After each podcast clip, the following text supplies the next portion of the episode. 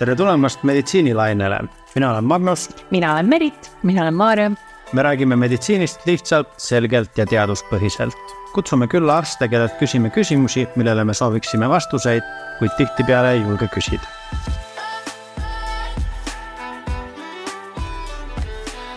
tänases saates räägime beebidest ja täpsemalt siis kodusest apteegist seoses beebidega, kujutame ette, et meil on äh, olukord, kus äh, me oleme sündinud beebi ja meil on kodus ainult suurtele inimestele mõeldud äh, ravimid, mis me peaks sinna koju, kodusesse apteeki lastele ostma ja mis, mis seal siis täpsemalt olema peaks. mul on seltsiks siin Merit. ja tere. ja Kadi, kes on selle ala spetsialist. tere, tere. Kadi on siis pediatria resident. just nii. ehk siis äh, lastearst. tulevane lastearst. tulevane lastearst, just. aga lapsed ei ole võõrad äh, meil on siin jälle selline checklist ehk siis list, kus on erinevaid asju ja me hakkame Meritiga siit pommitama ja küsima, miks neid asju vaja on ja mis seal listis üldse on. esimene on meil D-vitamiin, milleks seda tarvis? Selleks, et laste luud äh, kasvaksid äh, tugevad äh, ja terved. D-vitamiini peaks hakkama seitsmendast elupäevast lastele andma ja kindlasti järjest pausi tegemata kuni kaheaastaseks saamiseni, et selle kõige kiirema kasvuperioodi jooksul on D-vitamiin hädavajalik luude arenguks aga edaspidi tegelikult ju öeldakse, et meie kliimas elades ka täiskasvanu võiks tarbida D-vitamiini, et. just, et D-vitamiin on tegelikult selline või põhimõtteliselt ainukene ravim, mida peaksid kõik võtma, aga suveperioodil võib väikese pausi teha. aga kuni kaheaastaseni ikkagi suvel ei, ei tee pausi, sest et ollakse päikese käes või käiakse äh, rannas, et beebi mm. nahk on õrn ja ta ikkagi ei suuda toota piisavalt palju D-vitamiini okay aga kuidas seda siis antakse ja kui palju seda andma peaks? nelisada selline standarddoos äh, lapse jaoks apteegis on olemas äh, ühetilgalisi, viietilgalisi ja spreisid.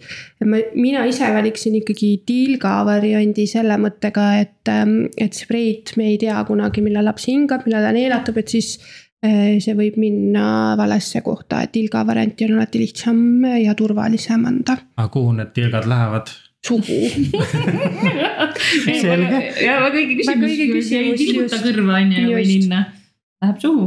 just. okei okay., okay, D-vitamiin on äh, korras, see on olemas, siis äh, termomeeter. ehk kraadiklaas on ju täpselt nii, et kraadiklaas peaks ikkagi olemas olema, kraadiklaas võiks olla selline lapsele sobilik. ehk siis selline pehmema otsaga, vähem ebamugavust tekitav ja see võiks olla kasutatav kaelna alt või siis äh, rektaalselt äh,. stopp mis see tähendab? jah, no pepu kaudu okay., kraadiklaas, mida pannakse pepusse okay, otsapidi sisse. kas äh, siin on nüüd ka vahe, on ju tänapäeval elektroonilised kraadiklaasid, kui mina olin väike, siis oli ikka see elavõbedaga lõid mm -hmm. kraadiklaasi alla et kuidas see tänapäeval on? tänapäeval õnneks elavõbetaga kraadiklaas ei ole, neid alla klopitavaid pikaajalisi siiski on laste puhul on võib-olla see kiirem variant, see elektrooniline, mis selline kolmekümne sekundi kuni minutiga äh, ära kraadib mm -hmm. parem. kraadiklasside puhul, eriti elektrooniliste puhul peab meeles pidama seda, et need äh, aeguvad või noh, nad kaotavad oma seda mm, võimsust. võimsust või seda õigesti näitamist. et osadel on, on sada korda, osadel on tuhat korda, millal ta tegelikult enam ei näita õiget numbrit, vaid näitab natukene valesti.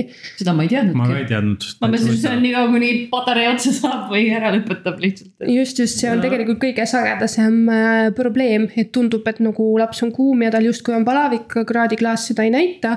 ja siis selgub, et kraadiklaas ongi kümme aastat äh, vana ja on kraaditud äh, kõik perelapsed ja täiskasvanud sellega ära. et seda okay. peab meeles pidama aga kas need ka töötavad, mis äh, on sellised äh, nagu otsa eest võetakse nagu selline püstoli moodi kraadiklaasid? ega nad kiiresti ikka töötavad, aga see õhutemperatuur, kas lapse nahk on higine, et see mõjutab seda temperatuuri õiget näitamist päris palju. mina pigem, pigem neid ei, ei et kasutaks. pigem nendest saab nagu mingi sellise nagu aimu või nagu keskmise või niimoodi, et mis, mis suunas ollakse, aga see ei ole siis nii teaduslik võib-olla. jah, et kui on näiteks laps, kellele üldse ei meeldi kraadida, siis ruttu saab selle kätte, aga see, kas, kus, kui kõrge see palavik täpselt on, selleks ikkagi peaks kasutama mõnda muud kraadiklaasi. just, meil endal kodus on, on neid erinevaid siis ma just mõtlengi, et kui on väike laps, siis äh, põhiline probleem, et ma saan selle talle sinna kaenla alla ja siis ta hakkab, hakkab viisklema ja karjuma ja jamama, et siis see otsaesine va- variant tundub nagu väga hea. Äh, selles mõttes vähemalt, et saad nagu umbes aimu, mis, mis seal toimub mm.. üldiselt need hakkavad veel kiiremini näitama valet eh, temperatuuri kui Nii. need kaenalused. Et selle peale peab, peab mõtlema. okei okay. Okei. väga hea teada meil on veel üks termomeeter siin kirjas. ja et lapse nahk on väga õrn ja käega vanni vee temperatuuri hinnata, mõnel tuleb väga hästi välja, aga enamikel siiski ei tule välja, et kui päris beebi sünnib, siis esialgu võiks vanni termomeetrit kasutada, et valida ja mis see temperatuur temperatuuri. on, mis see vannitermomeeter peaks näitama, et ma võin selle beebi sinna vanni pista? no kolmekümne kuue ja kolmekümne seitsme kraadi vahel on selline hea kehatemperatuur, temperatuur, täpselt nii, et tal ei ole külm ja ei ole liiga palav. Mhm. hästi okay., siis meil on järgmiseks baaskreem. mis see tähendab? just, et baaskreem on selline nahahoolduseks mõeldud äh, kreem laste puhul soovitaksin kindlasti apteegist selle osta, et erinevad firmad A-st kuni Z-ini äh, teevad seda ja see on selline lõhnatu, niisutav kreem äh, nahale. kui tihti seda last siis nüüd kreemitama peab, väikest beebit? Väga oleneb äh, lapse nahast, mõnel puhul peab tegema seda igapäevaselt, mõnel puhul piisab veeprotseduuri järgselt äh, kreemitamisest. kas need on siis mingid teatud äh, kohad kehast, mida peaks või terve, üle, üle terve laps kreem, ka kreemiseks? ikka, ikka kogu keha, et kui kreemitada, siis korralikult okay.. Kui peaks olema selliseid karedaid laike, et siis peab ikkagi kindlasti kreemitama kaks korda päevas ja hooldama seda nahka äh, korralikumalt. aga kui juhtub nii, et äh, lapsel on nahk on kõik super, kõik on ilusti, mingeid probleeme pole, siis kas ikkagi peab kreemitama? no see on tunnetuse küsimus, et sellist sada protsenti konsensust äh, siin ei ole, aga pigem ikkagi veeprotseduuride järgselt soovitatakse kreemitada, et seda naha niiskust taastada. Vannis käik vist kuivatab nahka, eks ole. täpselt jah. nii ongi. okei okay.. siis on meil võib-olla veel nahaga seotud nabahoolduseks füsioloogiline lahus vatipulgad. saialille tinktuur. see on täiesti võõras sõna. et tegelikult kõige sagedamini nabahoolduses piisabki sellest, et puhastada seda füsioloogilise lahusega, mis on steriilne ja puhas ja vatitikuga siis ära. mõnel puhul, kui see naba on selline põletikuline või punetav, siis see saialeile tinktuur on äh, puhastav ja, ja kuivatava toimega, et siis naba paraneb kiiremini. kas see on nagu täitsa ravim, see saialille tinktuur või see on nagu, seda saab ka apteegist? no seda saab apteegist käsimüügist mm. -hmm. kätte nii kui nüüd edasi minna, siit tuleb veel üks kreem, on mähkmekreem. just. et need mähkmed jalas sinna pissimine, kakamine ärritab äh, beebinahka ja kui beebinahk on selline tundlikum, siis see äh, sinna tekib punetust, võib tekkida löövet, et siis peaks äh, seda mähkmepiirkonda eriti hoolsalt kreemitama või noh, siis puhastama ja kuivatama ja õhuvanne tegema. mähkmekreemid on, on selleks head, et neid on erinevaid ja peamiselt on need tsingi pla- baasil, mida kasutada kas neid peaks siis panema enne, pärast või kogu aeg jooksvalt? kui äh, beebipepuga ei ole mingit probleemi, siis seda ei pea kasutama mm. -hmm. kui seal on punetus, siis ikkagi iga mähkmevahetusega peaks äh, uuesti kreemitama. mm. -hmm. Aga kas see on natuke sama teema, nagu on see baby powder, mis see eesti keeles nüüd siis ongi? beebipuuder. ja, kas see on nagu beebipuuder. sama idee, ideega põhimõtteliselt või? no beebipuudri mõte on see, et hoiab seda kuivana ja kaitseb seda nahka. mähkmekreemidel on siis see raviv toime seal ka Mhm. juures, et ta aitab sellel sisuliselt haaval paraneda. nii väga selline palavikus beebi ja mis sa siis teed, on ju, et siin on meil kirjas palaviku alandajad beebidel, nad vist on natuke teised kui täiskasvanud. no tegelikult toimeained on samad, ibuprofeen ja paratsetamool mm. -hmm. nüüd siin on väga oluline see, et kui esimesel elukuul tekib beebil palavik siis tuleb pöörduda haiglasse. esimese elukuu beebipalavik on alati ohtlik ja sellega tuleb kohe tegeleda mm. -hmm edaspidi paratsetamool küünlana, siirupina, ibuprofeen siirupina, suurema lapse puhul ka tabletina kehakaalust äh, olenevad. kas siin on nüüd ka olnud nagu vahet, et kumba ma eelistan, kas ma ostan pigem paratsetamooli või ibuprofeeni? suurt vahet äh, nendel ei ole, et mhm. toimeained on erinevad, aga mõlemad sobivad nii palaviku alandamiseks kui valu vaigistamiseks. natukene on see meeldimise küsimus, kogemuse küsimus ja seda, et mida on, on lihtsam manustada, et, et päiksele beebile paratsetamooli küünalt on alati lihtsam panna, kui suu kaudu siirupit anda mm. -hmm ühesõnaga, neid on siis kahes äh, formaadis nii-öelda siirupina ja, ja nende küünaldena. tablette vist lastele nii väikestele ei ole oh,? no on, on., eh, paratsetamooli tabletid on viiesaja milligrammised, on poolitatavad, et mõlemasse tableti poolde jääb sama kogus ravimid. ehk siis kakssada viiskümmend milligrammi, mis on ka küünlana olemas, on tabletina olemas mm -hmm. ja ibuprofeenil on lastele isegi pehmed närimis, need tabletid tehtud, kus on kakssada milligrammi, mis sobib juba kahekümne kilosele lapsele mm. -hmm. et seal on ka ikkagi tuleb jälgida soovituslikku vanust, lapse vanust, kaalu see vist läheb kaalu järgi pigem on laste puhul on ju. just, et pakendi peal on valdavalt ähm, ka selle vanuse järgi, aga meil võib olla kaheaastane, kes kaalub äh, viisteist kilo, meil võib olla kaheaastane, kes kaalub äh, kakskümmend viis kilo mm, -hmm. et see vahemik ikkagi kaalu järgi. okei okay mul jäi veel, veel mõtlema seda, et mis seal siis juhtub selle lapsega, kui, kui ta ühekuune on siis, et see palavik on ohtlik ja kahekuuselt enam siis ei ole või nagu, kui ta suuremaks saab? esimesel elukuul on need tõsisemad inf infektsioonid kaasasündinud okay, äh, haig- või noh, siis nagu põletikud organismis mm,, et okay. need on esimesel elukuul tavaliselt raskemad ja ohtlikumad ja, ja natuke nagu varjatumad mm. -hmm. väikse beebiga palaviku, ühekuuse beebiga palaviku puhul tuleb pöörduda arsti poole. et see ei ole ka niimoodi, et täna on ta kahekümne kaheksa päevane, homme on ta üks kuu, üks päev et, et siis midagi muutub. et lihtsalt see tunnetuse või piir on mm -hmm. pandud ühe kuu peale, et vastsündinu on, on ühe kuu, kuni ühekuune laps jess, nahaasjad on korras, palavik on all. alla saanud, küünekäärid.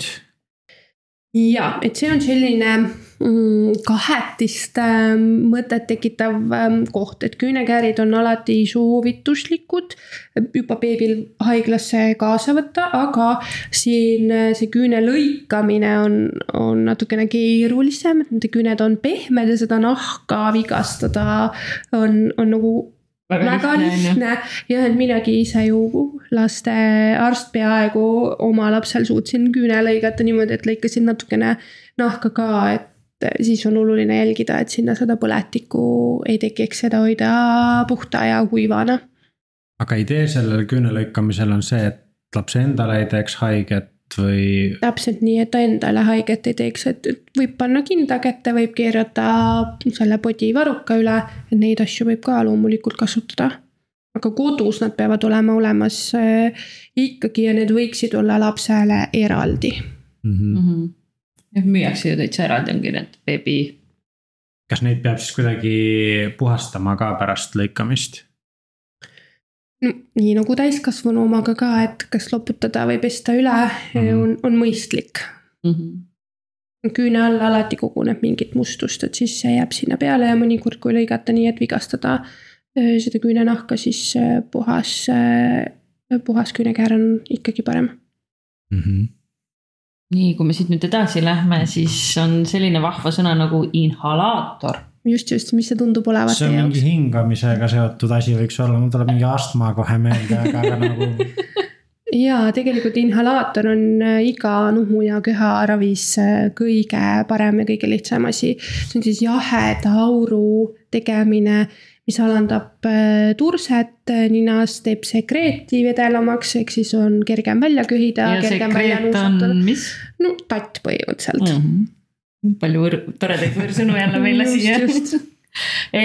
ehk siis rahvakeeli on ta vist see aurutaja või aurumasin, auruaparaat ja, ja siin kindlasti on üks oluline koht, et kuna inhalaatorid ei ole odavad, nad on päris kallid, et siis kui osta, siis äh, osta kompressoriga Äh, aparaat, mitte ultraheliga. sest kõik ravimiuuringud on tehtud kompressoriga, need on need mürisevad aparaadid mm -hmm. nende peal, et kui tulevikus peaks olema vajadust äh, ravimit sisse panna, siis ühtegi ravimiuuringut ei ole inhalaatoritel, mis töötavad ultraheli peal tehtud.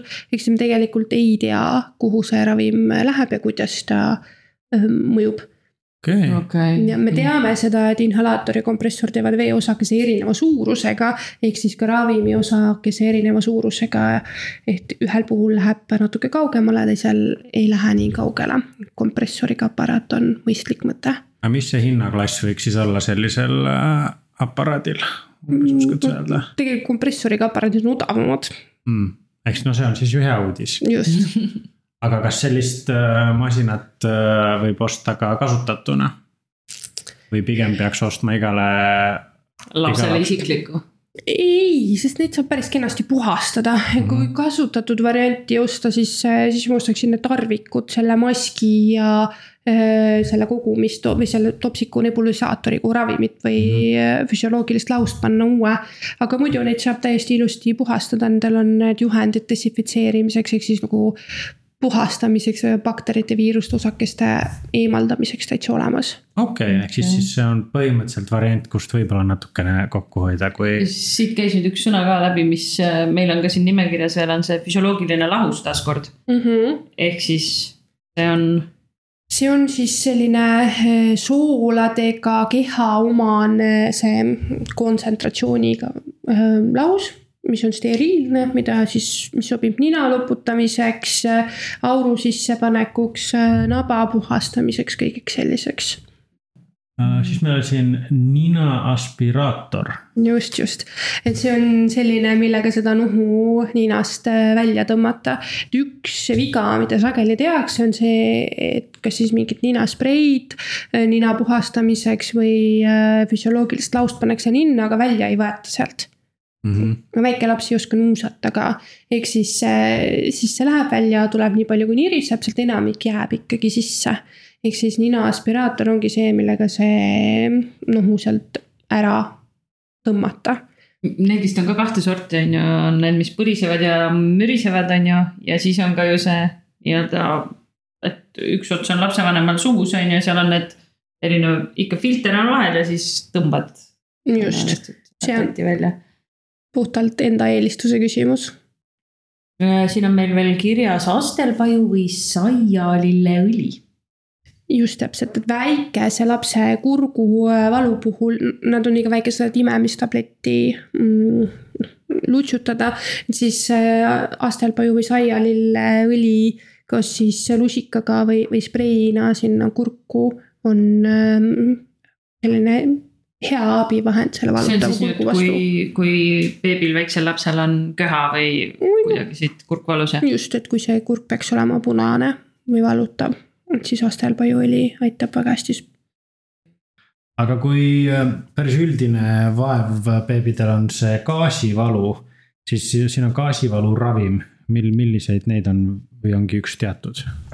Mm, neid firma nimesid on, on mitmeid, enamik neist on ikkagi simetikooni toimeainena äh, sisaldav, mis siis aitab seda gaasimulli äh, lõhkuda mm. -hmm. seal oleks vähem, vähem gaasi. paljudel lastel ju tegelikult ei teki neid gaasi, äh, gaasimuresid. see ei ole selline, siin listis selline sada protsenti hädavajalik osa, aga ta ikkagi abiks on ja tavaliselt see gaasivalu tekib Äh, õhtul, öösel, kus apteegid on kinni või avatud on vaid äh, valveapteegid, et siis äh, see närviline lapsevanem sinna apteeki mingit gaasiravimit tooma on sagedane nähtus, ehk siis tegelikult ta võib seal kodus äh, olemas olla. aga kas seda nagu võib nagu selles mõttes, ma mõtlen, beebid äh, nutavad ja karjuvad igasugustel erinevatel teemadel, et kuidas ma tean, et see just gaasivalu on ja nüüd ma peaksin seda gaasivaluravimit anda või võib seda siis, kui ma umbes kahtlustan, et kas ma võin seda siis nii-öelda kindla peale anda? no kahtlustamise korral proovida võib, et see on mm -hmm. üsna ohutu ravim, mida kasutada gaasivaludest ikkagi saab, Arru laps üritab punnitada, kõht on võib-olla natukene selline tihkem, tavapärased mähkmevahetus, söögi andmine tegelikult ei aita teda. et siis sealt võib eeldada, et, et see on gaas, mis talle seal kõhus häda teeb, mis ta mhm. rahutuks teeb see on ka vist omaette muidugi teadus, kõik see gaasivalu, gaasivalu leevenduse võtted ja variandid siis meil on jälle raske sõna, probiootikumid mm. -hmm. tegelikult järgmine läheb ka siia otsa, see rehüdreerimislahus, et need on nendel puhudel, kui lapsel on kõht lahti ja ta oksendab. et probiootikum aitab seda soole mikrofloorat taastada ja rehüdreerimislahus on selline eh, soolade ja elektrolüütidega eh, põhimõtteliselt pulber, mis tuleb vee sisse panna ja ära laustada. et lisaks sellele, et laps kaotab oksendades vedelikku, kaotab ta ka eh, neid aineid, mis aitavad eh, funktsioneerida. ja list läheb edasi, igemekeel, jahutav närimislelu lastel üks hetk need hambad ikkagi hakkavad tulema, mõnel varem, mõnel hiljem. ja see, see on ka üks rahutuse põhjus või sellise halva tuju põhjus, et siis äh, see ja, jahutav närimislelu või igemekeel on, on hea asi, mis, mis neid aitab milline asi on jahutav närimislelu? osad ongi sellised, mis on konkreetselt ongi jahutavad juba oma materjali poolest, teised on need, mis tuleb külmkapis hoida või sügavkülmas hoida, et ta läheb jäässe ja siis äh, saab teda kasutada. okei okay,, ühesõnaga jäätist ei, ei pane suhu jäätist võib-olla ei ole mõistlik panna jah, natuke peab ootama sellega. okei okei aga siin puhul need äh, rinnapiimast tehtud jäätisepulgad on, on populaarsed ja aitavad okay.. ma pole isegi kuulnud sellisest variandist. ma ei ole ka kuulnud vot. aga need jahutavad, need, neid saab ka apteegist või need müüakse veel eraldi kuskil? Apteegis on neid ja nendes beebipoodides ka. okei okay. ja hakkame jõudmagi vaikselt lõpupoole, meil on veel pintsetid puugipinnu eemaldamiseks jah, et üks siin suvehooajal selline EMO-sse pöördumise põhjus on see, et, et lapsel on puuk või pind ja siis ei julgeta seda kodus ära võtta. Eks see on tegelikult nagu täiskasvanul samamoodi, võtate ära ja siis jälgite, kas sinna tekib punetust juurde, kas tekib mingeid sümptomeid juurde, et see võiks olla asi, mis on kodus olemas ja millega lapsevanem saab ise hakkama mm. -hmm. ehk siis puugiga EMO-sse ei, ei pöördu ei. ja pinnuga tuleb välja, et ka ei lähe. täpselt niimoodi, et no pind võib väga suur ka olla, siis peab vaatama, aga pinnu võiks ka kodus kätte saada. hästi ja siis viimane, see on võrdlemisi see, mida mina mõtlesin, et peaks olema plaastrid, sidemed, haavapuhastusvahendid. just, et neid on rohkem suurema lapse puhul vaja, kes juba kukub, mängib ähm,, kriimustab ennast, et, et siis need võiks olla ka olemas. aga milline see haav peab äh, siis olema näiteks, kus, kus siis ma peaksin pöörduma kellegi muu poole, millise haava peale ma enam plaastrit ei pane? no seda tüüpi haav, mida, mis tundub, et võiks õmmelda mm., kus servad hästi ei hoia kokku või kui haav on läinud äh, põletikuliseks, et siis võiks pöörduda. mis see näitaja on, et haav on põletikuline? enamasti ta on, on selline intensiivselt punetav, ka seal on mingit mustust, on sellist kollakat mäda, mädast eritist, et siis äh, võiks äh, pöörduda arsti poole hästi, meil hakkab siis olema vaikselt äh, meie koduapteek jälle täienenud, on vaja suuremat kappi võib-olla isegi lisaks täiskasvanute ravimitele, päris pikk list. aitäh sulle, Kadi. Äh, paneme kindlasti selle listi ka meie Instagrami lehele üles, et sealt saab vaadata, kui praegu olid näiteks koera jalutamas või autoga sõitmas ja ei jõudnud kõike üles kirjutada, siis leiad selle meie Instagrami lehelt meditsiinilainel. Mina tänan Merit ja Kadi. aitäh. aitäh. ja kohtumiseni järgmisel korral. kohtumiseni aitäh, et oled meiega meditsiinilainel, leiad meid ka Instagramist ning postkasti ootame küsimusi ja tagasisidet kohtumiseni järgmisel lainel